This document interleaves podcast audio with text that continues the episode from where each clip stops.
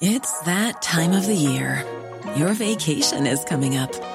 You can already hear the beach waves, feel the warm breeze, relax, and think about work.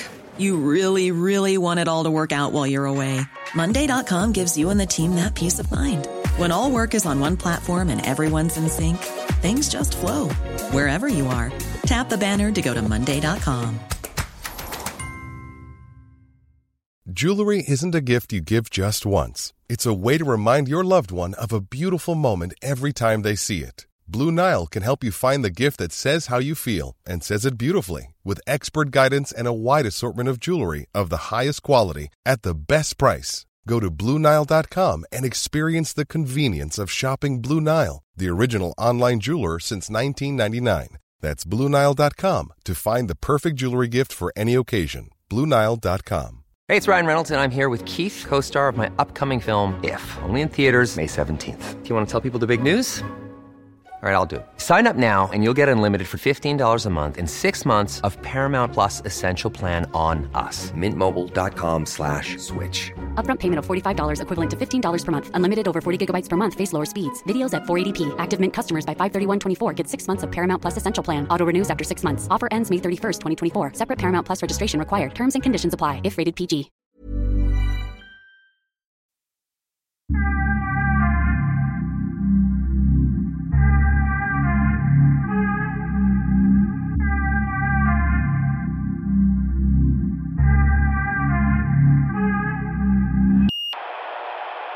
Ni- 19, 1985. Ja. Jaha, det ska jag... Är man född? Är du för... Ja. Och har så mycket skägg? Ja, nej men det... ja, men det, jag, jag, det där kommer jag... Första gången jag. När fick du skägg? Jag är 37 nästa. Ja, men det, ja, men det är som mina söner. Alltså det, det, de, de blir aldrig mer än strax före puberteten eller något sånt där. Alltså det, det, det är så svårt att acceptera att, att småglina växer upp. Nej. Alltså nu, nu, Men, nu går jag med på att ni är vuxna, men, men att det... det när jag började raka mig när jag var 13. Okej. Men det, Ja, det gjorde jag också utan att det fanns anledning. Vet jag. Det var bara Men- mer en ritual. Ja, Jag, jag, jag hade en goatee när jag var 13. eh, Jag var Så- väldigt eh, vad hette det? stolt över den. goat, alltså getskägg. Jaha! tack. Ja men det heter ju så. Goatee. Vi hade en På kurdisk, svenska, vi hade en kurdisk polare som också fick skägg när han var 13. Så han kunde gå och köpa folköl på lokala butiken Ja. utan problem. Ja, nu, alltså, tre av fyra här har skägg. Eller fyra av fem till och med. Ja, du har ju också ja, skägg. Ja, ja, men nu ska jag berätta någonting som gör er oerhört besvikna. Mm. Och det är att Tacitus, den gamle romerske historieskrivaren, han berättade om germanerna här uppe i Nordeuropa för 2000 år sedan. Mhm. Att det var bara killar som inte hade dödat någon som fick ha skägg. Utan, och, och de fick inte raka sig, därför att, det var, det var, därför att det var skamligt att ha skägg. Man var en miss. Och sen så När var det? Eh, 98 efter Kristus skrev han boken, så, så att för Ah. 2000 år sedan. Och sen så fort man hade gått ut i strid och dödat en fiende, då, det, om man, hår skulle växa också, så då skar man av håret och raka sig. Och som slätrakad snubbe, det var det otäckaste som fanns. Alltså. Shit. Ah. Intressant. Ja, nu fick jag tyst på er. Tog, tog, man ögonbrynen också? Det, det står ingenting om det Ah, faktiskt. Förmodligen inte. Ja. Eller? Idag är det väl skäggbarn som är det otäckaste som finns. Ja, nu sa du ett nytt ord igen här. Skäggbarn. Jaha, uh. Ja det var Just ju det. mer 2015. Jaha, ja, det är den- borta den- nu. Jaha, man an- nej den är inte lika inne Ja längre. just det, det är den där högerretoriken. Ja, en del Ja, använder ju om... och Ja, jag brukar jag kallar Omar för skäggbarn ibland. Det var ju mina landsmän som kallades för det när de kom Ja. till Sverige under Araber. 2015. Men Omar är ju så ung, du var ju född 85 ju, så då, då blir det ju skäggbarn. Ja, ja, det är sant. Men intressant att, ja, men typ talibanerna, där är det ju tvärtom. Då ska du ju ha skägg. Ja, de till och med mäter skägget. De mäter skägget. Ja, alltså Va? med linjal, så att det måste vara eh, viss längd. Och om det är kortare då eh, fick man, det här är när de hade makten förra gången då. Då piskade ju de männen. Mm. Det var en viss centimeter lång det skulle vara. Jävlar. Jesus. Är- Alltså på kvinnor också. Nej, Nej, men på män. Då- måste jag säga, alltså det som är så skönt med mitt yrke det är att allting hände för 2000 år sedan så att man behöver inte bry sig. Men, men, Behöver man inte bry sig? Det finns... nej, men alltså, skäggmodet för 2000 år sedan är jävligt intressant och lärorikt. Ja. Men eh, samtidigt så är det så avlägset så att eh, det otäcka är när man kommer nära in på det på det här sättet. Mm. Alltså det är bara några år sedan. Precis. Eller eh, idag kanske Nu har ju de tagit makten igen och ja, de skulle ju kunna införa det igen. Alltså att de går runt och mäter skägg igen. Okej, men har, har, kör de något lättare eh, regelsystem nu? Ja. Därför, de- eh, Var det inte någonting med, med att det fanns någon lite, alltså öppning för kvinnor Jo. som inte fanns tidigare? De sa ju det för ett år sedan, men nu ett år senare så håller de ju på att gå tillbaka till the classic Talibans. Alltså, Tjejerna får inte, får inte gå i skolan. eh, eller inte i gymnasiet i alla fall, eller hur? Nej, Mm. och Manligt måste, sällskap när de är ute va? precis. Kan inte jobba fortfarande, bara, bara vissa ja. yrken, eller hur? Ja. Mm.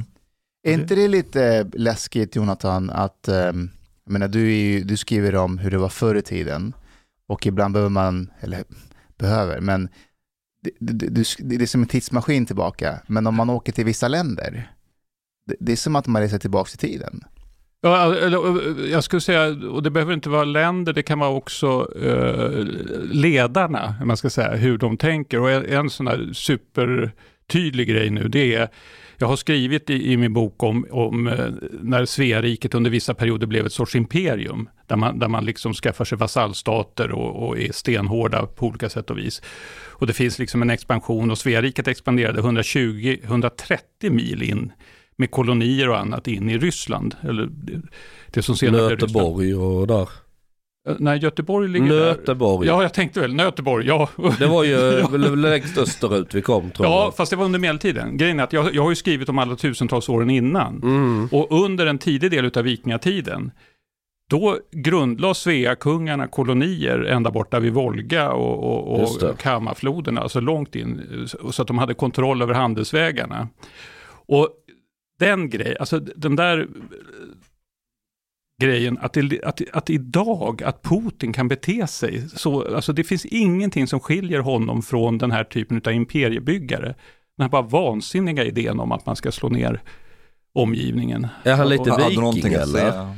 Ja, han, han, är, han är väl egentligen värre. Alltså, alltså det, det, men det är det här, och det, det är det som jag tycker är, är det otäckaste, att en enda liten trasig hjärna kan orsaka så oerhört mycket om de bara liksom hamnar på, på rätt ställe och, och, och drar i trådar.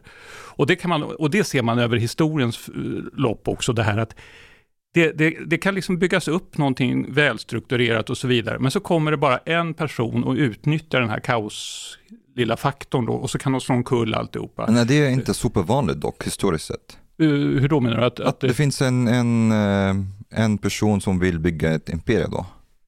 Uh, ja, men det, alltså, det dyker upp hela tiden. Ja. Och, och, och, det, och det som är också kännetecknande för det här, det är att varenda gång så slutar det illa. Alltså att, att eh, så fort man bygger upp ett imperium, så fort det är någon form av diktatur, och diktaturer var det i stort sett alltid förr i tiden, så brakar det ihop efter högst några generationer. Det, går, det, det liksom finns ingenting naturligt i det. Så Fast att, eh, inte för oss perser. Ja, fast det, det är ju flera olika dynastier. De var ju riktigt jävliga mot varandra. Var de?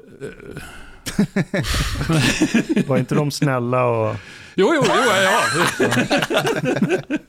jo, nej, men, eh, eh, fin kultur, men eh, kanske lite otäcka politiker under äldre tid. Det fanns det, Ja. onekligen. Men har det någonsin funnits några riktigt bra politiker? Och vilka exempel skulle det vara? Eh, ja, ja, alltså, Alexander the Great. Ja, alltså, han var ju inte här, imperiebyggare. Inte i våra historieböcker. Ja, nu, nu rör vi oss ganska långt fram i tiden, men jag skulle säga så här, att de politiker som är bra, det är de man inte minns. Mhm. Därför att det är, ju, det är ju när politikerna eh, antingen, ja vad var det han gjorde nu, David Cameron, han han hade ihop det med ett grishuvud på, på sin skola i sin ungdom, det är han känd för. Eh, eh, och nu trasslar jag till det här lite grann tror jag. Det har jag missat. Vad säger du? Det har jag missat. Hade David Cameron Ett Alltså under någon Ja, fyllefest, studentfest. Ja, de grisade på ett grishuvud kan man säga. He fucked a pig's head eller någonting Ja. sånt. Ja. Just det, och då kommer man ju ihåg det. Mm. Ja, du hade missat det då. Jag hade missat det, men nu- nu kommer jag- Ja, nu kommer jag ihåg det. Ja. Eh, Hade det varit tillåtet under talibanstyre? eh, hur som helst Goat's head. Så är, är det, det är det där, alltså det, det är sådana saker och Putin kommer ju naturligtvis bli ihågkommen, men utan det är just de där som lyckas respektera demokratiska regler och, och, och fria val och annat och de märker man inte av. Men, men, men fanns det riktigt demokrati? Det, det, det är väldigt nytt dock. Ja, ja, men det kan alltså, historien. Ja, alltså, du kan ju säga att på ett sätt så har det alltid funnits demokrati. Därför att det alltid funnits en grupp i samhället som, som med undantag för en del diktaturperioder och som eh, alla fria män till exempel eh, har rätt att vara med och rösta på tinget. Men det är fortfarande så att de som har mer stålar eller mer vapen, föra män och sånt där kan säga till om mer saker. Så att, eh, men kvinnor och slavar har varit uteslutna och fortfarande är ju barn uteslutna idag. Så att vi har ju nu finns det ju väldigt praktiska skäl till detta, att vi har en gräns på 18 år, men, men eh, den här typen av demokratier som vi har idag, där i princip alla vuxna medborgare får vara med och rösta, det är väldigt nytt. Och det, det, det kan man säga att det, det har funnits i hundra år ungefär. Och det är otroligt, alltså nu börjar jag nästan grina, för att det, det, är, det är det absolut mest fantastiska som har skapats i, i vår historia. Alltså att ett fritt samhälle och sen med, med grundvärderingen då att, att alla människor har ett värde. Att, eh, alltså, och det är samma sak där. Alltså slaveri och slavhandel har varit grunden för, för alla imperier och riken så långt tillbaka man kan se. Före den här demokratiska Perser också eller? Ja. och, och eh, turkarna, eh, Osmanska riket och så vidare. Det, det fanns ju 400 svenska slavar i Nordafrika under, i Osmanska riket en gång i tiden, i början på 1800-talet fortfarande. Var det? Var, Ja. var, det var, var det folk som blev kidnappade där ute eller kom Ja, de det var, det var dels, så- dels så blev de angripna, det var sjömän som befann sig på Medelhavet och, Ah, och, och som okej. blev tagna till fånga. Och sen, men det, det var någon expedition, Var det 400 kvinnor eller vad, vad var det? vad säger du? 400 kvinnor var det? Nej, nej det, det var i och med att det var sjömän, alltså det var Sjöfolk. sjöfolk så var det nästan bara män. Ja. Okej, okej. Eh, och, och Sverige var tillsammans med USA inblandade i ett krig där, om det var 1802, nu minns jag inte riktigt.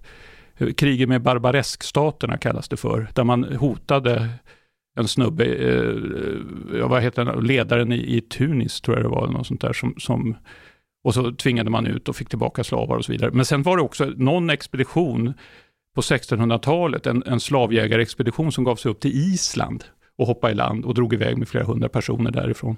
Mm. Så att det där är, är, alltså det här är ju väldigt småttigt i jämförelse med, med den, den eh, västliga slavhandeln, europeiska slavhandeln då med, med Afrika och arabiska slavhandeln och så vidare. Men, men det är ändå liksom, det här var naturtillståndet väldigt, väldigt länge. Och det, eh, alltså dels det här att ingen människa ska vara någon annan slav och dels att man ska ha demokrati. Det, det är så otroligt värdefullt. Och jag blir tokig på folk som säger att de inte ska rösta. För att det, ja, det finns ingenting att rösta på och så vidare. Om man röstar blankt då? Nej, det, jag tycker att det är halvdåligt. Ha. Därför att du ska, du ska rikta, därför att om du röstar blankt, då kritiserar du det de- demokratiska systemet lika gärna som att du, du liksom tycker att politikerna är dåliga. Ja. Eh, och, och det ska man inte göra, därför att det är just det demokratiska systemet som är det värdefulla. Att man ska uttrycka en åsikt och sen om man då inte har så mycket att välja på, så, så väljer man det minst sämsta. Det är det, allt kompromissande, på familjenivå och på statsnivå, det går ut på att kompromissa. Men om jag- man röstar fel då? Rösta, rösta på Trump till exempel. Man kan rösta på Det- Trump till exempel. var, och min fru råkade nästa, alltså hon, hon, som tur var så upptäckte hon det. Hon, hon, eh, det här var eh, flera år sedan, så skulle hon rösta på Sverige, nej, på, oj, nu höll jag på att säga fel. hon skulle rösta på Socialdemokraterna. Och så, så tog hon fel, ni kan gissa vilket parti då som råkade ha ett likalydande namn då, och som då inte hon var så Ja, intresserad av att idag kan det ju lika, vara, lika gärna vara Socialdemokraterna. Ja, fast det är väl i första hand de borgerliga de samarbetar med. Men, men det, Jo, men ja, det men, men, ja, men jag, jag förstår eh, hur du tänker. Men återigen, det finns mindre dåliga saker att välja bland. Men då vet jag att hon, hon stod och höll den där lappen Och det var några eh, halvbekanta som bakom stod och fnyste och hade så hon förstod ingenting. Och sen precis när de skulle lägga det i kuvertet då såg hon att hon hade tagit fel. Apropå misstag. Mm. Ja, ehm, men... Men, Jo, och sen, Ja. jo, en sak till. Ja. Om jag någon gång kunde få säga någonting. Det är att eh, just det här att det, det är alltså det finns ett ideal, ett demokratiskt ideal, det finns ett människovärde-ideal och ändå är det så att idag så finns det extremt många icke-demokratiska länder och, och, och länder som är på väg bort från parlamentarism och, och demokrati. Och det är dess, jag har sett någon siffra på att det finns 40 På miljoner bort. människor. Som, som, vilka länder är på väg bort från parlamentarism? Vi- vi- Vilka? Vilka länder? Ja, alltså det, lite gradvis Ungern och, och, och, och Polen. Och den, den farliga sak som händer där, det är eh, det som vi fixade 1809. Nämligen att man måste separera eh, rättsväsendet från eh, kungamakten eller, eller statsmakten. Att man måste ha fria domstolar. Det är samma problem de har lite grann nu i USA också. Det här att, att, att högsta domstolen blir alldeles för politisk och styrd på det sättet. Eh, där skulle man kunna invända att eh, nämndemännen i tingsrätten väljs ju politiskt. De utses ju politiskt. Ja, men, men själva separerat? men högsta domstolen och, och, och så vidare, alltså de- den ska stå fri. Det var det som man skrev in. Men den är ju inte fri i Sverige. Det är ju alla vet ju att det är karriärvägen in till justitiedepartement och överallt. Så att men du anpassar dig efter sossarna för att kunna göra nästa steg i karriären i Ja, rättsväsendet. jo, men, det, men principiellt. Ja. Återigen, det är inte perfekt, men det, det principiella är att, att man, man ska inte ha det inflytandet. Och, och, eh, och nu kan du säkert mer om det här än jag, för att jag, jag håller på med Ja, det stenålder blir, i det vanliga det fall. blir en Ja, semantik i slutändan men, men eh, att, att det är klart att det starkt, att du har en stark politisk påverkan på eh, hovrätt och framförallt högsta domstol och så. Sen, sen är det inget som klart man vill visa utåt men det, den finns där. Ja, det är också politiker som stiftar lagarna så alltså sen domstolen ska döma efter. Så, så redan, redan där har du ju en koppling så att säga. Sen, sen, sen visst, de ska ju vara oberoende och så här och det är man i de allra, allra flesta fall. Men är det väldigt politiskt känsliga eh, saker så är det nog svårt att separera politiken från makt, alltså den, den dömande makten. ja. Sen fin- Men, men, men, det, det, men principiellt då, så, Ja, men jag håller med men- dig, alltså det, det, det fungerar aldrig fullt ut och det är samma sak med, med slaveriet då, att det fortfarande finns, om, om det är typ 40 miljoner människor som lever under slavliknande förhållanden i världen, man ska säga. Men det, men det, där, det där gäller ju, det gäller ju även eh, alltså andra väldigt viktiga delar som, som pressen. Är man ska-. Ja, och där, där finns, den, den kan ju missköta sig på egen hand. Det behöver inte vara att man, man, man lierar sig med politiker och så vidare. Ja, nej, nej. Utan nu, nu finns det ju det här eh, att, man, att man, man måste dra in, alltså det, det, det, man hade ju tidigare tidningsstöd och man hade, ja det har man väl fortfarande, men, men eh, man, man har ju liksom sett till att tidningar har kunnat fungera tidigare med annonsintäkter som inte har varit styrande på innehållet och så vidare. Men det funkar ju inte längre tack vare internet och alltihopa.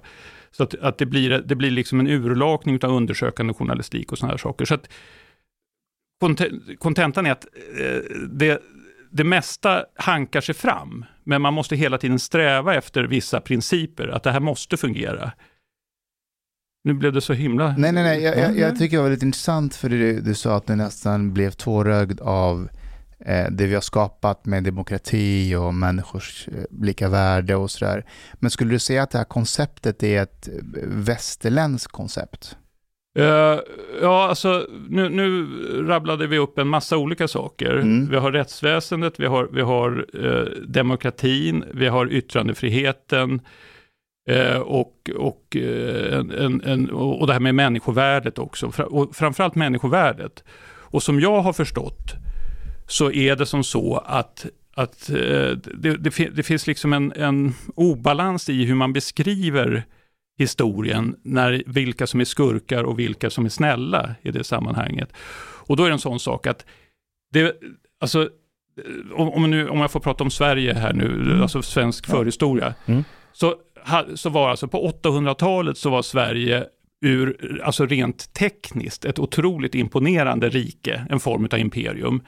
Med, med alltså väldigt fasta återkommande ting. Och man, vart åttonde år hade man ett riksting, det var alltså som en, en sorts riksdag som fanns redan på den här tiden, då, under vikingatiden, i gamla Uppsala. Man offrade lite människor för att komma i stämning och sen så drog man igång. Och, och, Demokratiskt och bra. Ja. Så, att, så att det, det, det, var, det, var, det var liksom otroligt välstrukturerat. Och Sveakungarna kunde med stormännens hjälp bygga upp alltså stora flottor och, och kolonisationsexpeditioner, som jag nämnde då, 130 mil in i Ryssland och grunda kolonier. Alltså det är något helt otroligt. Och, det handlade, och de hade handelsmän som for hela vägen ner till Bagdad eh, via Kaspiska havet. Eh, och det var alltså köpmän som tog sig hela vägen. Och, och åt andra hållet också kom det naturligtvis då, eh, från Mesopotamien så kom de upp till, till eh, till Ryssland åtminstone. Och i vissa fall ända till Birka. Så att det fanns alltså ett otroligt, eh, jämfört med hur man brukar föreställa sig vikingar, så finns det ett otroligt liksom, välstrukturerat samhälle som är imponerande på det sättet. Och sen är det ett totalt jävla fiasko ur människorättssynpunkt då, eftersom det bygger på i grunden slavhandel, eh, trafficking, Alltså en stor del av slavarna, det var kvinnliga eh, slavar då som, som eh, kunde användas, dels var lättare att kuva, dels var, var, kunde användas på flera olika sätt. Då. Eh, och, och eh, alltså det var, det var bara skit. Och, och sen det här med människooffer. Och det finns, man, man, för några år sedan så grävde man ut en grav norr om Uppsala där man kunde visa att man regelbundet återkom dit och så plockade man fram en sexårig pojke och en tolvårig pojke, ungefär i den åldern. Och så slog man ihjäl dem och brände upp dem. Och det här var alltså barnoffer. Så att, alltså, var det från den inhemska stammen man ja, tog alltså, dem? Vet jag, skulle, man det? Det, jag skulle tro att det kunde vara slavungar eller någonting sånt där. Okay. Men man behövde några som liksom fick representera eh, det, det fanns en gammal myt om ett brödrapar som dog unga och sådana där saker som man, man försökte liksom återskapa. Det var liksom riktig teater, man ska säga att man satsade allt där. Eh, och, och jo, och då är um, och då kommer det som jag tror är då otroligt viktigt och som nedvärderas väldigt mycket.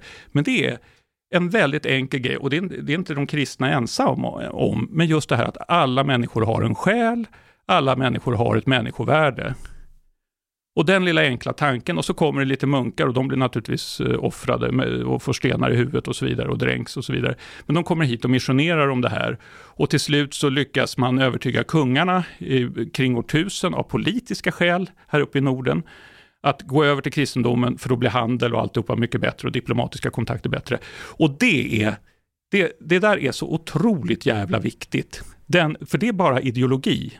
Det är liksom, nu bestämmer vi att alla människor är fria människor som, som inte får, får, och man får inte döda och så vidare i onödan. Och sen återigen, praktiken är en annan sak och det dröjer eh, över 300 år innan en 19-årig Magnus Eriksson, svenske kungen då i mitten på 1300-talet, den 28 januari 1335 så Eh, ger han ut då, eller sätter han sitt sigill under en stadga där han säger att ingen ska kallas träl eller trälinna. Det finns inga slavar längre.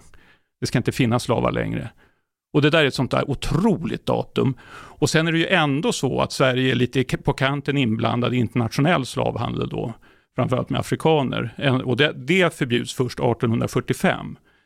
Och den senare historien då, hur man förbjuder och får bort den internationella slavhandeln, det är också det här att, att då, då finns det, eh, vad ska jag säga, eh, postkoloniala teorier och så vidare. Att man, man, man skyller väldigt mycket på de europeiska kolonialmakterna och de har en vidrig historia på många sätt och det finns extrema exempel med, med belgiska Kongo, kung Leopold och så vidare där, där man alltså amputerar barn som straff för att de inte levererar tillräckligt mycket av gummiplantagegrejer och sånt där. Så att, att, men, men det är viktigt att komma ihåg att som jag har förstått det då, så är det upplysningen då på 1700-talet, det här att man ska ha en vetenskaplig och öppen syn eh, och, och, och, och liksom titta på empirin när, när, man bestämmer sig för saker, i kombination med den här i grunden kristna tanken då i det här sammanhanget. Sen kan den finnas i andra religioner också, men det var i det sammanhanget. Och den blandningen gjorde att att, att eh, äh, abolitionsrörelsen och befriandet av slavarna kom igång på allvar. Och England, eh, som själva var en brutal, ett brutalt imperium, var ändå de som gick i bräschen för att, att, att stoppa slavhandel och förhindra slavhandel på olika ställen runt om i världen. Eh, Så på det sättet så skulle jag säga att det är en västerländsk grej. Vänsterhjärnhalvan. Vad sa du? Vänsterhjärnhalvan. Ja, nej men empiriskt så makar det inte sens att ha. Eller det beror på. Okej, jag är skeptisk. Okej. Okay. Jag är skeptisk. Jag, jag, jag, är lite så här, jag är lite för radikalt materialistisk av mig. Det är ja. min svaghet. Men du vill jag ha slavar? Att, jag, nej, nej, nej, nej, nej, nej, nej. Jag vill, inte ha slavar. Jag, jag vill inte ha slavar. Och, och, jag vet, jag har också läst det där, jag tror det var i Carol Quigley eh, bok, när han pratar om The Roundtable Society och massa rörelser i engelsk imperialism som inte alls var för slaveri, utan de ville bli av med det. De ville istället lära de nya kolonierna, liksom utbilda dem, lära dem sätta upp ett handelssystem. För de insåg att du bygger bättre imperium om du kan handla med alla utposterna, istället för att bedriva slavhandel. Men jag är skeptisk till att det är så här, åh, nu blev vi upplysta, nu kom vi på den här idén jag- som är fin. Okej, halmgubbade jag dig precis. Vad heter det? Eh, okej, jag miss... Strawman, strawmanning. Jag- Eh, okej, nej, nej, jag nej, fultolkade nej, det jag, i så jag, fick fall. bara, kom, jag kom på något Ja. att säga. Jag, Okej. jag, jag har ju suttit tyst en stund. Okej, jag, jag vill höra, jag vill bara eh, säga att... Jag, jo, jag, nej men Ja. alltså, nu- avbröt jag dig så att du... Ja, men det är lugnt, Ja, lugnt. okej, Ja. tack. Ja. Ja. Jo, eh, eh, eventuellt är du på väg att säga just då att ideologier svävar inte fritt och det, det handlar bara om att man vaknar en morgon och har nya tankar, utan det finns ju ekonomiska krafter bakom hela tiden också. tack. Ja, Ja. ja. Och om man då får ta ett litet, eh, ja, inom citationstecken, gulligare exempel på detta, så är det barnarbete inom den svenska industrin i slutet av 1800-talet och, och, och i början av 1900-talet. Där ungarna fick jobba så oändligt långa arbetsdagar och från väldigt tidig ålder. Föräldrarna tog ju med dem och det var också så att eh, fabriksägare, tändsticksfabriker och annat då, fabriksägarna föredrog barnarbetare därför att de var effektivare och kunde pilla med små saker och, och grejer och sen så när de blev utslitna eller, eller eh, inte, då då var det bara att dumpa dem, hur man ska säga. Så, så att barnarbetare var, det var lönsamt, det var ekonomiskt. Men har man inte det fortfarande? Eh, Ibl- Ibland när jag åker tåg så är det förseningar så är de så här på grund av barnarbete. Ja men så- så, du, håller, du är så dålig. Det var Göteborgsnivå. Ja, verkligen. Ja, tack för mig. Nej, eh, men då, då, då var det så att då hade man en lagstiftning som begränsade möjligheten att använda ungarna i, i arbete. Och, och då är det så otroligt intressant att se hur, hur den här lagstiftningen då, som riksdagen som ännu inte var riktigt eh, demokratisk då, hur eh, eh, man, man eh, stiftade lagar eh, som hela tiden kom lite efter det att det inte längre var lönsamt att låta ungarna arbeta från sex års Exakt. ålder. Ja, utan man, an- man, man anpassade liksom ja, mun efter nu vet jag inte hur man använder ordspråk här, mun efter matsäck vet jag inte, men Ja, ja, ja. man anpassade eh, lagarna efter fabriksägarnas behov. Och på det sättet så kunde man liksom gradvis då göra samhället eh, mänskligare. Men jag skulle ändå säga att de här, den här ideologiska idéerna, tankar, kan ha en enorm kraft i det här sammanhanget, att man kan välja saker och ting. Menar, vi har ett av de värsta krigen som har pågått på ett halvsekel i Europa idag, bara för att det sitter någon konstig tanke i huvudet på Putin. Mm. Och sen kan man då säga att ja, men det finns inbyggt i, i deras ekonomiska system också, men han håller ju på och kvaddar hela det, det, den lilla, det lilla kapital de hade och, och, och, eh, pengarna från råvaru eh, export och så vidare. Så att, där, där, så att Okej, jag, Men då, jag, då är vi överens om att näringen när narrativet, right? Så sättet du producerar näring på kommer alltid nära hur, eh, kommer alltid påverka hur narrativet skrivs som en efterhandskonstruktion.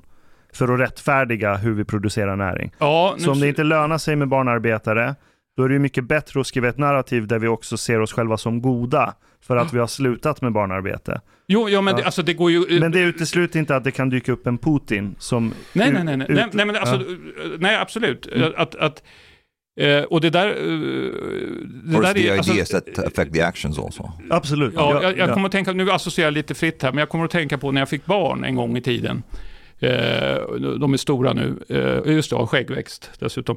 Eh, då, då är det som så att, då kommer jag ihåg det här, nu gäller det att göra precis allt möjligt och sk liksom skita i moral och allting, därför att de här ungarna ska få, ja, de, de, de är liksom prio nummer ett.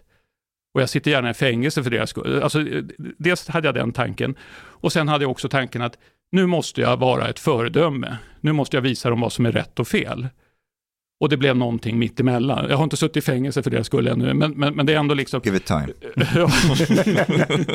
jo, nej men det, det, det, är det här att, att de flesta av oss är hyggliga medborgare därför att vi, vi till stor, alltså inte bara därför, men för att vi bor i ett ett, eh, ett hyggligt samhälle. Där inte, man behöver inte, alltså jag är inte, jag är inte så fattig så att jag måste stjäla, jag är inte så rik att jag kan liksom ägna ja, för att vi bor i ett samhälle. Vad säger du?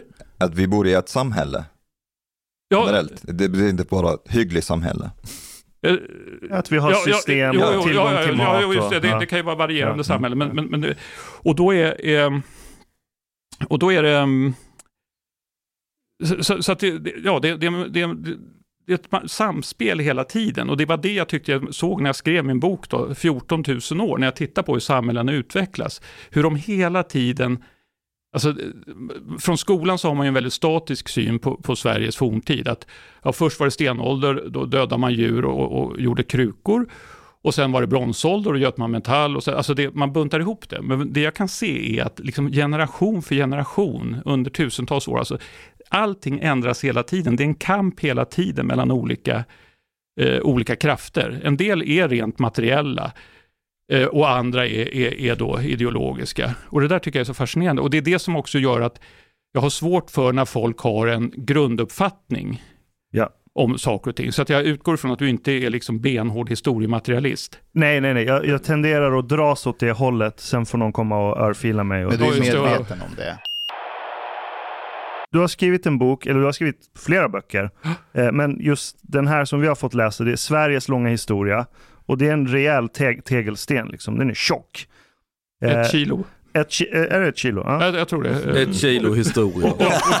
och, och, och, och, det är bara de sista hundra sidorna som börjar där historien börjar i, vid skolbänken. Så du, du, har skrivit 14 000 år Sveriges historia, men det är bara de sista 100 sidorna som täcker lite grann i alla fall av det vi får lära oss i skolan. Ja, jag skulle säga att det är, är de sista fem sidorna. Oh, there you go. Va varför den här viktningen? Därför att, eh, eh, då ska jag säga så här att, att eh, alltså jag har ju nördat in på historia och arkeologi hela mitt liv. Eh, och eh, jag, jag, jag, ser och, och det, det, krävs flera svar på en gång här, så att nu... um, nummer ett. Allt mänskligt beteende, all, allt som människor har gjort i alla tider, det är en, ett kollek, en kollektiv erfarenhet. Det vill säga man kan se det som en stor experimentbod, även om det liksom har, redan har hänt. Att man, man, man, man kan plocka fram, liksom, hur gjorde de när de inte hade metall? Hur, hur, hur organiserade de samhället då? Eller när älgarna tog slut i Norrland? Och de levde på älgjakt. Vad, vad gjorde de då? Alltså, alltså, att det finns så enormt mycket eh, saker som har hänt och som, som vi, vi, vi ska ha erfarenhet av. Och, och då menar jag att eh, det här är ju någonting som man redan idag eh, man utnyttjar erfarenheter. Vi har till exempel eh, alltså aldrig mer eh, andra världskriget, antisemitismen till exempel. Alltså att man, man det, det, det, har liksom varit en, när jag jag är väl kanske 20 år äldre än vad ni är ungefär, och lite drygt. Alltså när jag var barn, då, då fanns eh, förintelsen med hela tiden. Jag var livrädd, jag såg ett hakkors någonstans, på, någon hade klottrat och blev alltså förstenad av skräck. Alltså det var så fasansfullt. Jag såg en, en, eh, på någon julfest så var det en av papperna som var jättemager och jag tänkte han har suttit i koncentrationsläger och det förstörde hela julfesten. Eh, och så vidare. Det här var på lågstadiet då. Att, att det här genomsyrade, att det fanns en stark erfarenhet av att det här får det liksom inte hända igen, det här är fruktansvärt. Och det har ju glidit undan ganska mycket den, den förståelsen för, för andra världskriget som, som skräckexempel, då de sista överlevarna dör och så vidare. Och sen har det kommit andra katastrofer, kanske inte av den digniteten men ändå. Och, och, men men den där, just det här att man hela tiden har för ögonen vad som har hänt, vad som kan hända. Och det kommer aldrig hända exakt samma sak en gång till. Men det kommer hända likartade saker. Och det är därför man måste hålla koll på hela långa historien. Och då menar jag att tittar vi över 14 000 år, då får vi en mycket bättre bild av hur Sverige fungerar. Till exempel en sån sak som att, att den normala synen på Sveriges historia, det är att ja, det var lite vikingar, stenåldersfolk, vikingar, lite kaosartat, men sen, för tusen år sedan, pang, då drog historien igång. Ja. Och då, då får man den där uppfattningen, ja, jaha, liksom, det hände knappt någonting tidigare. Och då får man en felaktig uppfattning, därför att, som jag tidigare sa då, så, så var Sverige otroligt avancerat tidigare med, med de här koloni... Sverige har aldrig varit så stort, ett så stort imperium som det var under vikingatiden. Och välorganiserat och, och med fantastiskt välfungerande slavhandel och alltihopa. Men att, att det, det är... Eh, så, så, att vi ska liksom inte blanda ihop grejerna, att det handlar om att det bara var, de var vilda och så vidare, utan nu har jag pratat länge här. Eh. Jag, jag skulle vilja spinna vidare lite på det här, du, för när du pratar om hur Sverige var väl organiserat på den tiden, eh, alltså strukturmässigt och så, eh, kan du få kritik för att så här, måste du i nästa mening säga, ah, bara så ni vet så var mänskliga rättigheter var ju såklart inte, så det jag vill bara säga att jag försvarar inte den, den bilden. Är, är det någonting du, du springer på ofta? Uh, ja, så här, det, det jag kan säga är att, att uh, uh, när jag skrev boken, då har jag bara skrivit liksom utav hjärtans lust och olust. Alltså att, att jag, bli, jag blir upprörd. Därför att i, i och med att jag sitter och skriver och försöker gestalta vad som händer, som det här med människooffren och, och så vidare, Alltså man, man, är ju dum i huvudet eller i hjärtat om man inte själv blir gripen av när man skriver det. Så det är ju självklart så, alltså i stundens hetta när jag skriver så skriver jag naturligtvis saker, vad, vad jag tycker och tänker. Men man, jag kan inte gå över till att bli eh, plakatskrivare, att det här är fel, det här är rätt och så vidare. Annat än, än, än faktamässigt då, att jag förklarar, alltså, alltså när det gäller fakta så måste jag ju förklara på det sättet, men när det gäller då att understryka hur jävligt det, det, det, det gör jag när jag tror att folk kan ha en missuppfattning, som till exempel att det finns folk som tycker att hedendomen var en mycket friare religion och kvinnan hade en stark ställning. Var det inte? Nej men alltså det, det, det är till stora delar bullshit. Mm kristendomen innebar att även om kvinnan inte kunde bli, vara präster längre och att det senare utvecklades till ett, en annan typ av förtryck. Så där, det var ju en fantastisk befrielse för större delen av, av människorna. Medan okay. de som då tror att hedendomen var någonting fantastiskt, de tar fasta på sagor om starka kvinnor. Mm. Som, det fanns starka kvinnor mm. också mm. och, och, och, de kunde ha stor, stort inflytande då som väljer och så vidare. Men, men, men det där är en, en sån där sak, där, där måste jag gå in och tala om då eh, vad jag tycker utifrån vad jag ser som fakta då. Kan man säga att den ädla vilden finns inte? Nej, jag tror att de var lika ruttna som vi i stort sett. Alltså, lite så här halvdana. Men, men det beror på var också, eller? Uh, for example, I know that the, uh, among the Celts, there was more so to speak, gender equality. And that was, this was one of the points of friction with the Roman Empire, that the Romans did not have that, while the Celts, they had like more or less free women and like they were even like uh, female warriors and all that. Ja, ja, då, uh, so, då, då ska were, ja men där, där tror jag att du har en motsatsställning mellan ett imperium, romarriket, mm. som är otroligt reglerat, och eh, de folk som bodde längre norrut i Europa och i Västeuropa. De hade samma problem med germanerna, germanska eh, kvinnor, eh, som, de kallas för matronor då utav romarna. Kvinnor som hetsar männen till krig och som bestämmer liksom när de ska gå ut i strid och sådana saker därför att de har kontakt med gudar och så vidare. De var alltså politiker kvinnor och kunde ha väldigt mycket att säga till om. Och ända ner till att, att, eh, att Tacitus som tycker att det är lite obehagligt det här att kvinnor har klänningar där man ser överarmen. Alltså, alltså det, det, det, det finns ett kvinnoförakt bland romarna som, som mm. kommer fram på det sättet. Mm. Så att, eh, nu kommer jag inte ihåg vad vi pratade om strax innan, men det var, det var väl det. Uh, ja, like... Kvinnans position. Ja, ja, så att du kan argumentera, och det fanns... Uh, det fanns saker, alltså det, du, du kan plocka liksom, körsbärsplocka saker som var bättre under hednisk tid. Som till exempel det här att kvinnor inte längre kunde ha, ha prästfunktion.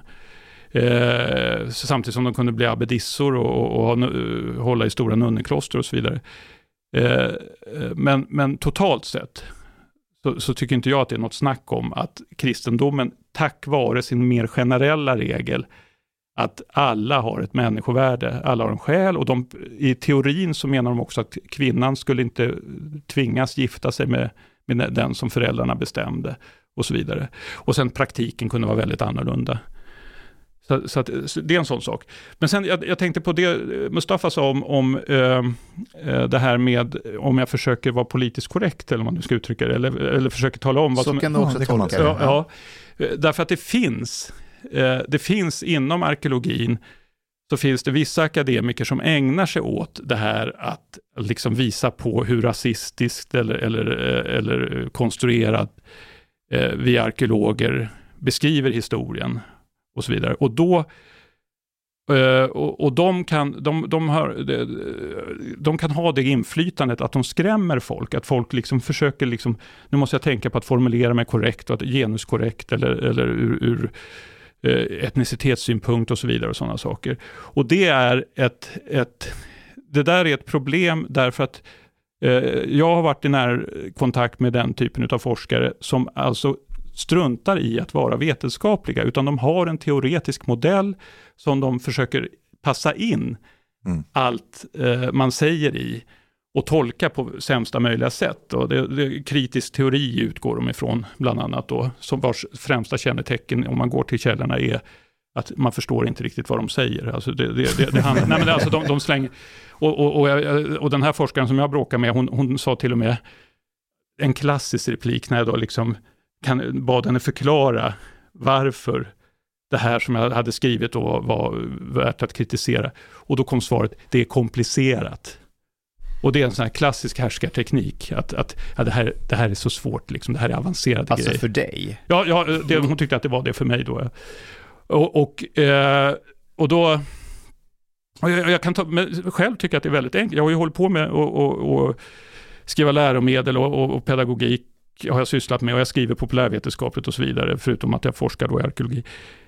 Och eh, jag tycker att det är väldigt, väldigt enkelt. Och en, bara som ett exempel på hur hon kunde vrida till vad var det hon vred lite mer exakt? Vad var, det, vad var det hon kritiserade? Ja, jag, jag tänkte ta ett okay. par exempel. Då. Alltså hur, hon skrev någon artikel som publicerades i någon tidskrift.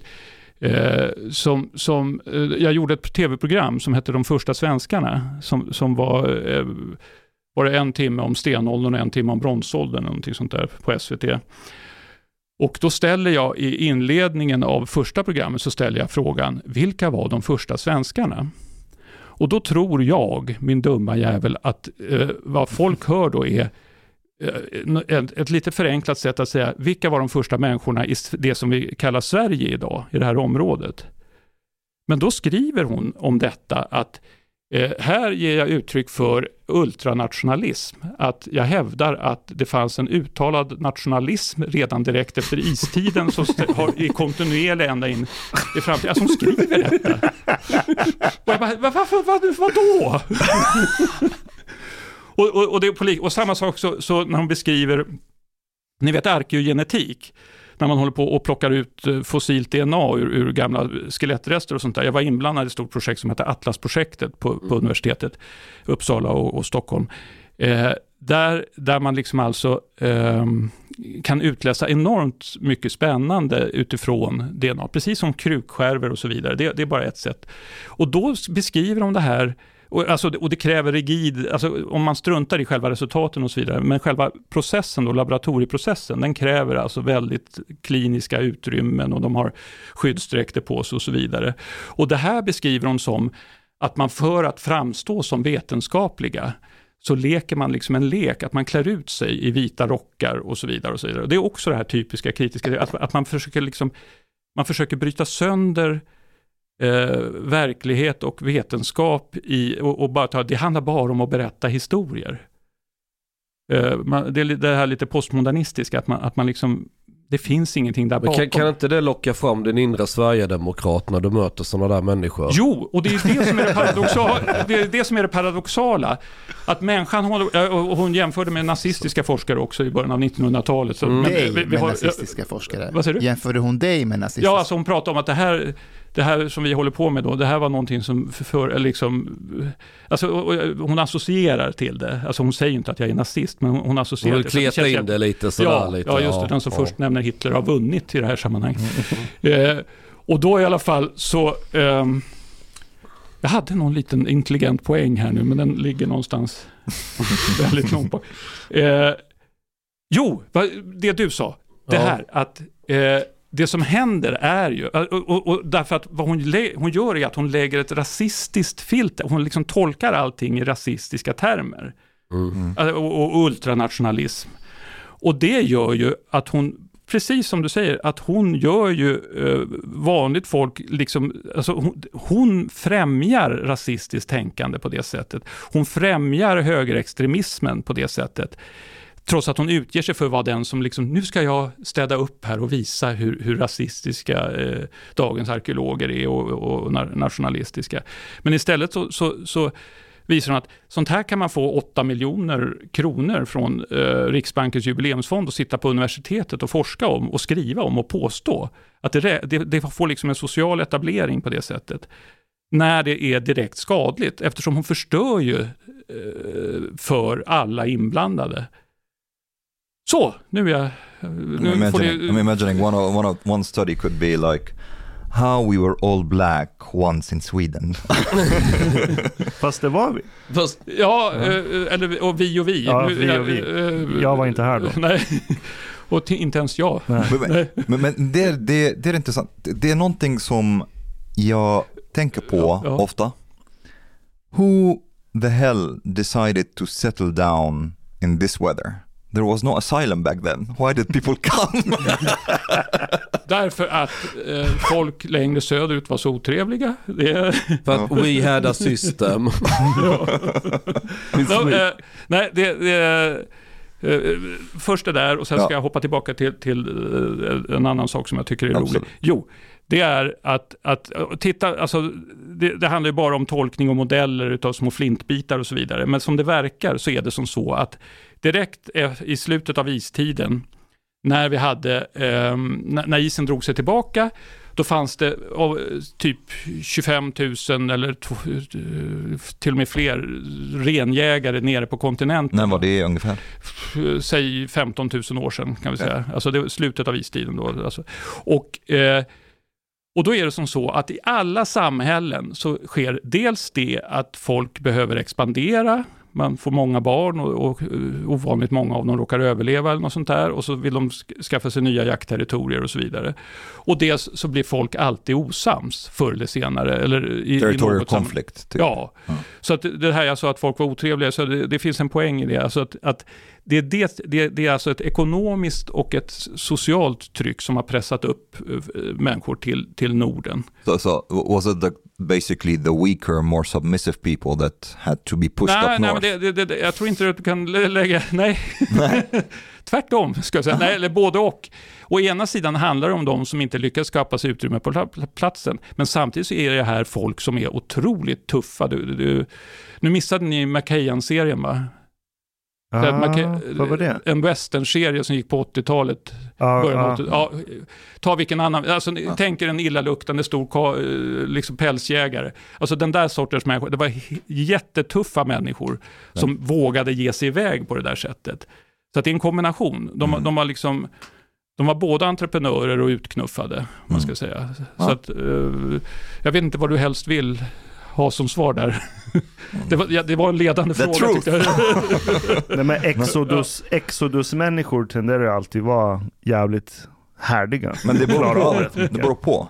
Like, like, he, like he's saying, it can be a combination of that, but also that they basically have been, uh, well, chased away by stronger Jag, jag people. tror Omar Ja. far efter att människor från hans breddgrader där han är född, det är kanske lite mer eh, alfa och testosteron och så här medan svenskar kan uppfattas som lite Lite mer försiktiga och kuvade och lite, ja. Ja, det här är så beklämmande. Ja. då, då ser vi det som ett personligt problem här då. Som, eh, eller hur? Det, det är ju ett ämne som kommer på tal ibland ju. Ja, ja, ja. händer, det Nej, men det, jag, jag tror, alltså, man kommer nog ingen vart med att, att prata om grupper på det sättet. Sen skulle, jag- ja, sen skulle jag hoppa tillbaka till en grej här, eh, som nämndes det här med hudfärgen på de första människorna i Sverige. Och det här är också någonting, och jag, jag, jag fick så många arga mejl från högerkanten framförallt då.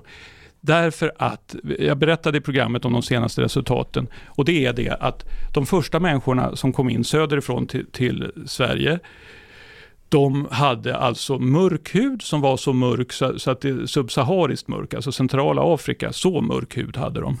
Men de hade blå ögon. Fett. Ja, därför, eh, och, och sen så kommer det då, eh, lite senare så kommer det österifrån, så kommer det blond, blonda människor med ljus hy och bruna ögon. Och då, alltså, och, och, och, det, var- det var någon, vad hette han? Jag kommer, det var någon, om det var Fria Tider som skrev om det här. Alltså det, är inte det, de ligger väl väldigt långt till höger vill jag minnas. Jo, de har ja, rätt till höger. Ja, och han säger, det där kan inte stämma. Punkt. Och jag pratade med någon annan eh, person som liksom, det, här, det, det stämmer ju, det kan ju inte stämma, det, det, får inte, det, det är inte på det sättet. Men det roliga är då att man tar liksom rasstereotyper och, och så forskningen visar att det här håller inte, alltså det är fel färg på ögonen och allt, alltså det, det, släpp det här. Och det är det jag tycker är så underbart med att, för, alltså man lyckas aldrig fullständigt, men att försöka vara objektiv och bara försöka ta reda på saker och berätta om det. Och leta empiri och lägga fram empirin. Är är inte det sen- genom DNA man har kunnat lista ut hudfärg och ögonfärg? Jo, det, Ja. det, men precis ja. Så är inte det ironiskt att så här ultrahöger som borde älska DNA och rasbiologi avvärja sig från det när den visar fel Ja, if If the resultat? results are correct. Exakt. ja. Det blir ju en, Jo. det blir ju en kognitiv dissonans. Exakt. Ja, ja, ja, ja, ja, och, och, och jag, jag, jag, jag hade ett telefonsamtal med någon som var så här, alltså jag hörde hur han frustade av ilska därför att det, alltså, det, det stämmer, det, det, det är för få undersökningar, det, det, det måste vara något som är fel och så vidare. Eh, och, och, och, och sen om man tar en, ett generellt grepp på det som jag tjatat om hela tiden nu, då är det detta, att det som ständigt, ständigt återkommer som problemet och som jag sett när jag, liksom när jag skrev boken och gick igenom olika forskningsprojekt och studier och grejer, det är, har folk en fast uppfattning från början, antingen att ett teoretiskt komplex av något slag som, som eh, kritisk teori eller, eller hi, historiematerialism eller, eller, och, och, och, eh, eller om det, det som man kan koka ner till bara fördomar, att folk med mörk hud har, eh, kan inte ha varit i Sverige på stenåldern eller något sånt där. Det, det handlar om att man har på olika sätt fördomar och sen när man kommer till empirin, och, och, och då är det nyfikenheten som ska driva en, inte att man ska meritera sig för en post på universitetet.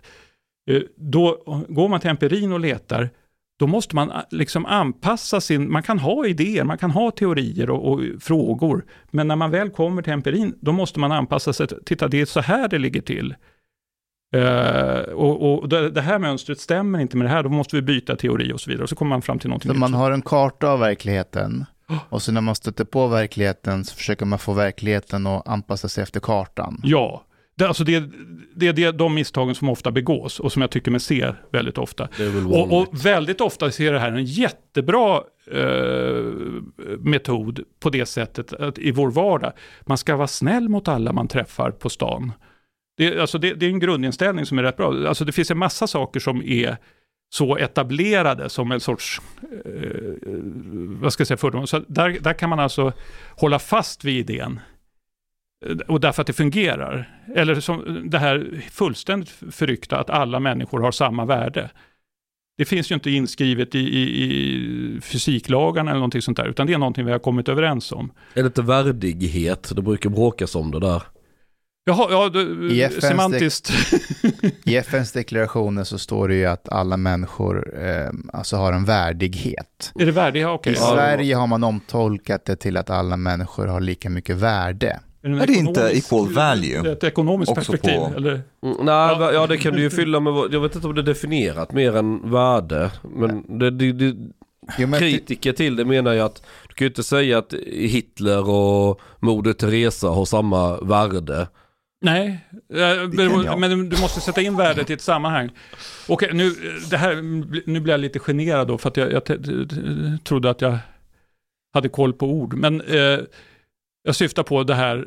Värdig dignity eller vad det Exakt. Ja. Okej, men så här, Ja, om ja, du- fast, Värdighet, fast jag, jag tror att det handlar om värde också. Det handlar om att, alltså om man, om man förenklar det, att eh, eh, det här att varje människa är okränkbar, Ja. eller ska vara det, då handlar det om att man, de får liksom siffran ett. Du är, du är en sån här enhet som inte får misshandlas eller, eller dödas eller vad det nu handlar Mm. om. Alltså att- att du, du har rätt. Och då, då ligger väl värde ganska nära. Sen är värdighet är, är ju, det handlar ju mer om heder. Om vi går tillbaka till storyn då. These uh, very powerful, strong people who were chased away from the south uh, and, and settled in, in Sweden though. Ja. Where and how did they organize themselves? Eh, ja, alltså, man kan säga så här, första 3000 åren, Mm. då, eh, då var det rätt, då gick det inte så bra. Då, de flyttade in i Skåne tid, tidvis, Och, och startskottet är 12 000 år före Kristus va? Ja. Ish. Okej. eller 12 200, men bra. Okej, ja. bra. 12 200. Eh, jo, och då, då kommer de in tillfälligt och försvinner och det kommer olika naturkatastrofer och grejer sådana som gör att de inte kan bo kvar. Yeah, this is actually something that I it really attracted my attention. This is what Greta has always like warned us for. There was climate change Ja, all the time. ja, If they only listened to Greta back then. They would... She wasn't there. Eh. Nej. Men, ehm, men då, då, och då handlar det om att eh, man kom dit, alltså under lång tid så kom man bara till Skåne på sommaren och så bodde man nere vid tyska floderna. Men det är man, inte så stockholmarna använder Skåne idag. fast nu var det tyskarna istället. För tyskarna gör ju, de köper ju sommarstugor i södra Sverige också. så Jo, det ja. tyvärr. Eh, Så, att, att, eh, och då, eh, så då bodde de i stora vinterbyar nere vid Hamburgtrakten till exempel. Och sen så kom renarna, på vintern så slog sig renarna ihop i stora flockar och så sprang de över, över floderna där och då dödade man dem i massor när de sprang, för det var lätt att komma åt dem då när de simmade då. Och då har man hittat tjocka lager utav renbajs i botten på floden med massa pilskaft och grejer i, som alltså bevarats. Och det här visar att renarna mådde väldigt dåligt i samband med att de blev dödade. Att de, de, de, de simmade över floden och eh, ja, bajsade av skräck helt enkelt när de blev angripna. Och det här tycker jag också är så fascinerande att det går att gräva fram känslor som är eh, 14 000 år gamla. Ja, det är sjukt. Is there is there any animal that who gets killed and is like feeling Yay. very happy about it? Eh, ja, nej, jag tänker inte utföra några experiment heller Nej. för att ta reda på detta. Eh, men, ehm, men, och sen så då på sommaren så splittrade de upp sig i mindre grupper, några, några eh, syskon med familjer som gav sig upp i Skåne och bodde i hyddor och så vidare. Och då var Skåne var en tundra på den tiden alltså. Eh, och så höll de på. Och det här höll på- på i princip i 3000 år. Sen så drog sig isen tillbaka rejält och då flyttade de här människorna in permanent och bosatte sig längs västkusten och hela vägen upp till Nordnorge och så vidare. Och, då, och det är fortfarande så att du har en väldigt eh, låg befolkningsnivå, så att man, man hade väldigt stor frihet. Hela grejen med att flytta upp i Sverige var ju att få utrymme, luft och ljus och, och, och, och Lebensraum. Ja. Eh, just det, de kommer ju från Tyskland. Eh, och sen så... Lite ehm, besvärlig tid i Tyskland också. Eh, och, då, då, och sen så kan man se att ganska snart så, eh, så ser man att de blir lite trångbodda. Att, eh, utifrån sin teknologi. Alltså man, de behövde stora utrymmen för att jaga. Och då kan man se att framåt eh, 7000 före Kristus, 8000 före Kristus, där någonstans, då börjar man att eh, liksom pinka in revir på ett annat sätt. Man flyttar ut till Gotland, som låg ödet sedan tidigare, men nu är det liksom värt besväret att åka till Gotland. Eh, Men var- vad var det då på den tiden det, det första mordet Hedde. Ja, just det. Ja, ja, och det är också ett sånt här exempel på det som har, det är en stressfaktor, att det börjar bli lite trängre. Att troligtvis så var det några skånska säljägare som kom dit, alltså efter det att Gotland blev befolkat då på 7000-talet. Så kring 6550 så eh, dyker det upp skånska eh, säljägare och vill jaga på Gotlandskusten. Och så är det någon snubbe på Gotland då som eh, inte riktigt gillar detta och blir dödad utav dem. Alltså det är en teori ja, kring Mm. varför han har dött, men, men han hade en skånsk pil i sig, så det, det Mm. talar för det. Så att det, det sker, alltså dels våldsamma konflikter. Ja. Och sen, sen så sker det också lite mer fredliga utvecklingar som eh, eh, Sveriges första surströmmingsfabrik, fast surmörtsfabrik i, i Blekinge. Där man alltså hittat vid stranden stora gropar där man har, eh, som man har täckt med vildsvinspälsar och så har man öst ner en massa mörtar och låtit dem jäsa då, råa jäsa. Och det, det visar att man kunde liksom bygga upp stora lager utav mat som man klarar sig året runt på ett ställe. Det var också ett sånt. Så, Det, det låter ju gott ju. Jästa mörtar under vildsvinspäls. Ja, ja. Det, det kan du däremot experimentera med tycker Nej, jag. fy fan. Du kan experimentera En med det. vanlig fråga som jag vet att du har fått är, ehm, vilken av de här period, tidsperioderna hade du velat leva under? Okej, eh, då, då kan jag konstatera att jag är oändligt, oändligt glad att jag lever nu. Eh, så att jag, jag, jag, och jag är så skrivbordsanpassad och, och beroende Och att... det var inte bättre för.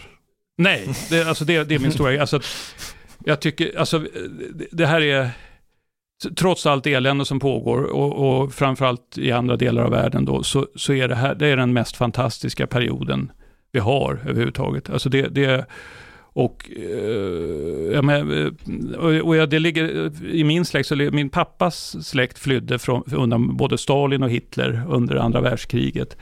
Och det, det som finns här är så, alltså det är så otroligt värdefullt, trots en massa små problem eller stora problem i vissa fall. Och eh, framtiden känns som alltid väldigt osäker, men, men det är så eh, Alltså att man, man, och det, det är precis som man säger det här med att man ska rösta.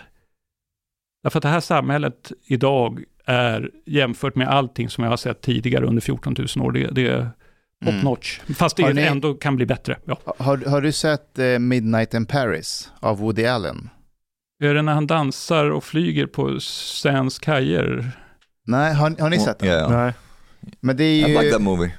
Va? I like that movie. Jag älskar den filmen, men så här, det handlar om en, en um, huvudrollsinnehavaren, de är i Paris och så han, han gillar inte nuet.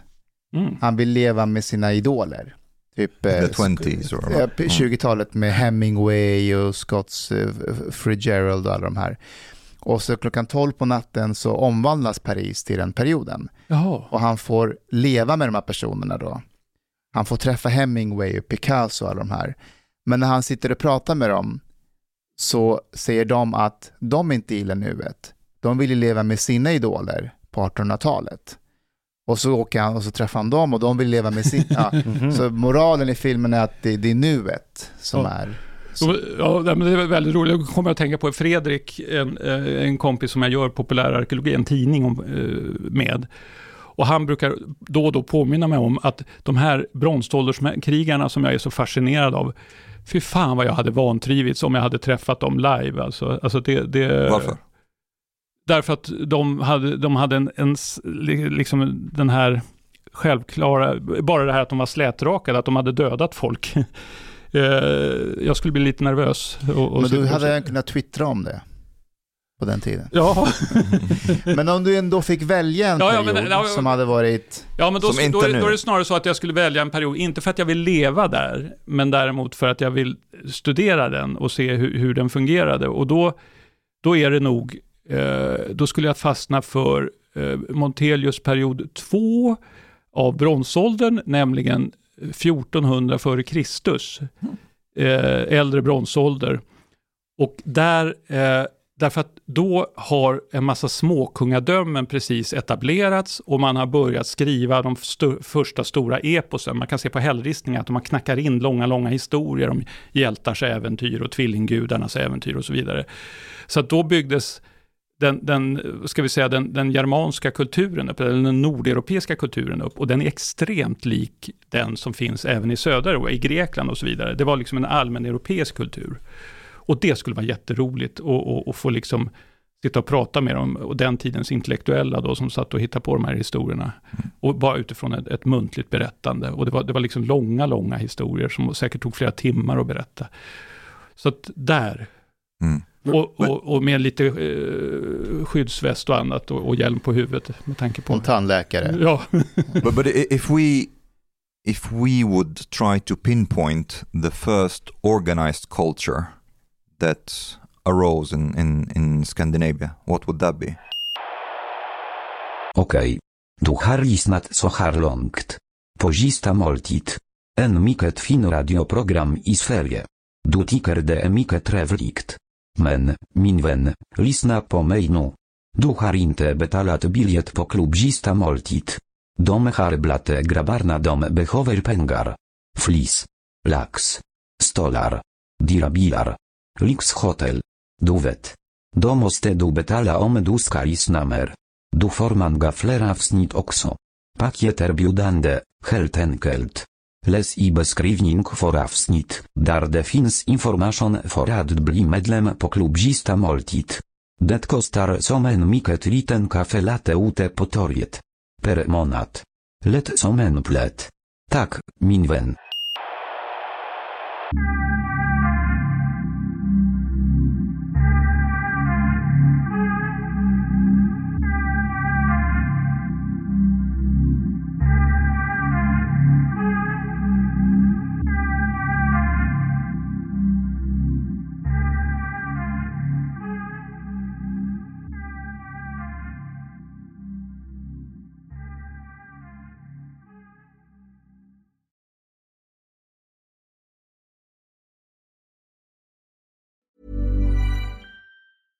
Hey, it's Paige DeSorbo from Giggly Squad. High quality fashion without the price tag. Say hello to Quince. I'm snagging high-end essentials like cozy cashmere sweaters, sleek leather jackets, fine jewelry, and so much more. With Quince being 50 to 80% less than similar brands. And they partner with factories that prioritize safe, ethical, and responsible manufacturing. I love that. Luxury quality within reach. Go to quince.com slash style to get free shipping and 365 day returns on your next order. Quince.com slash style.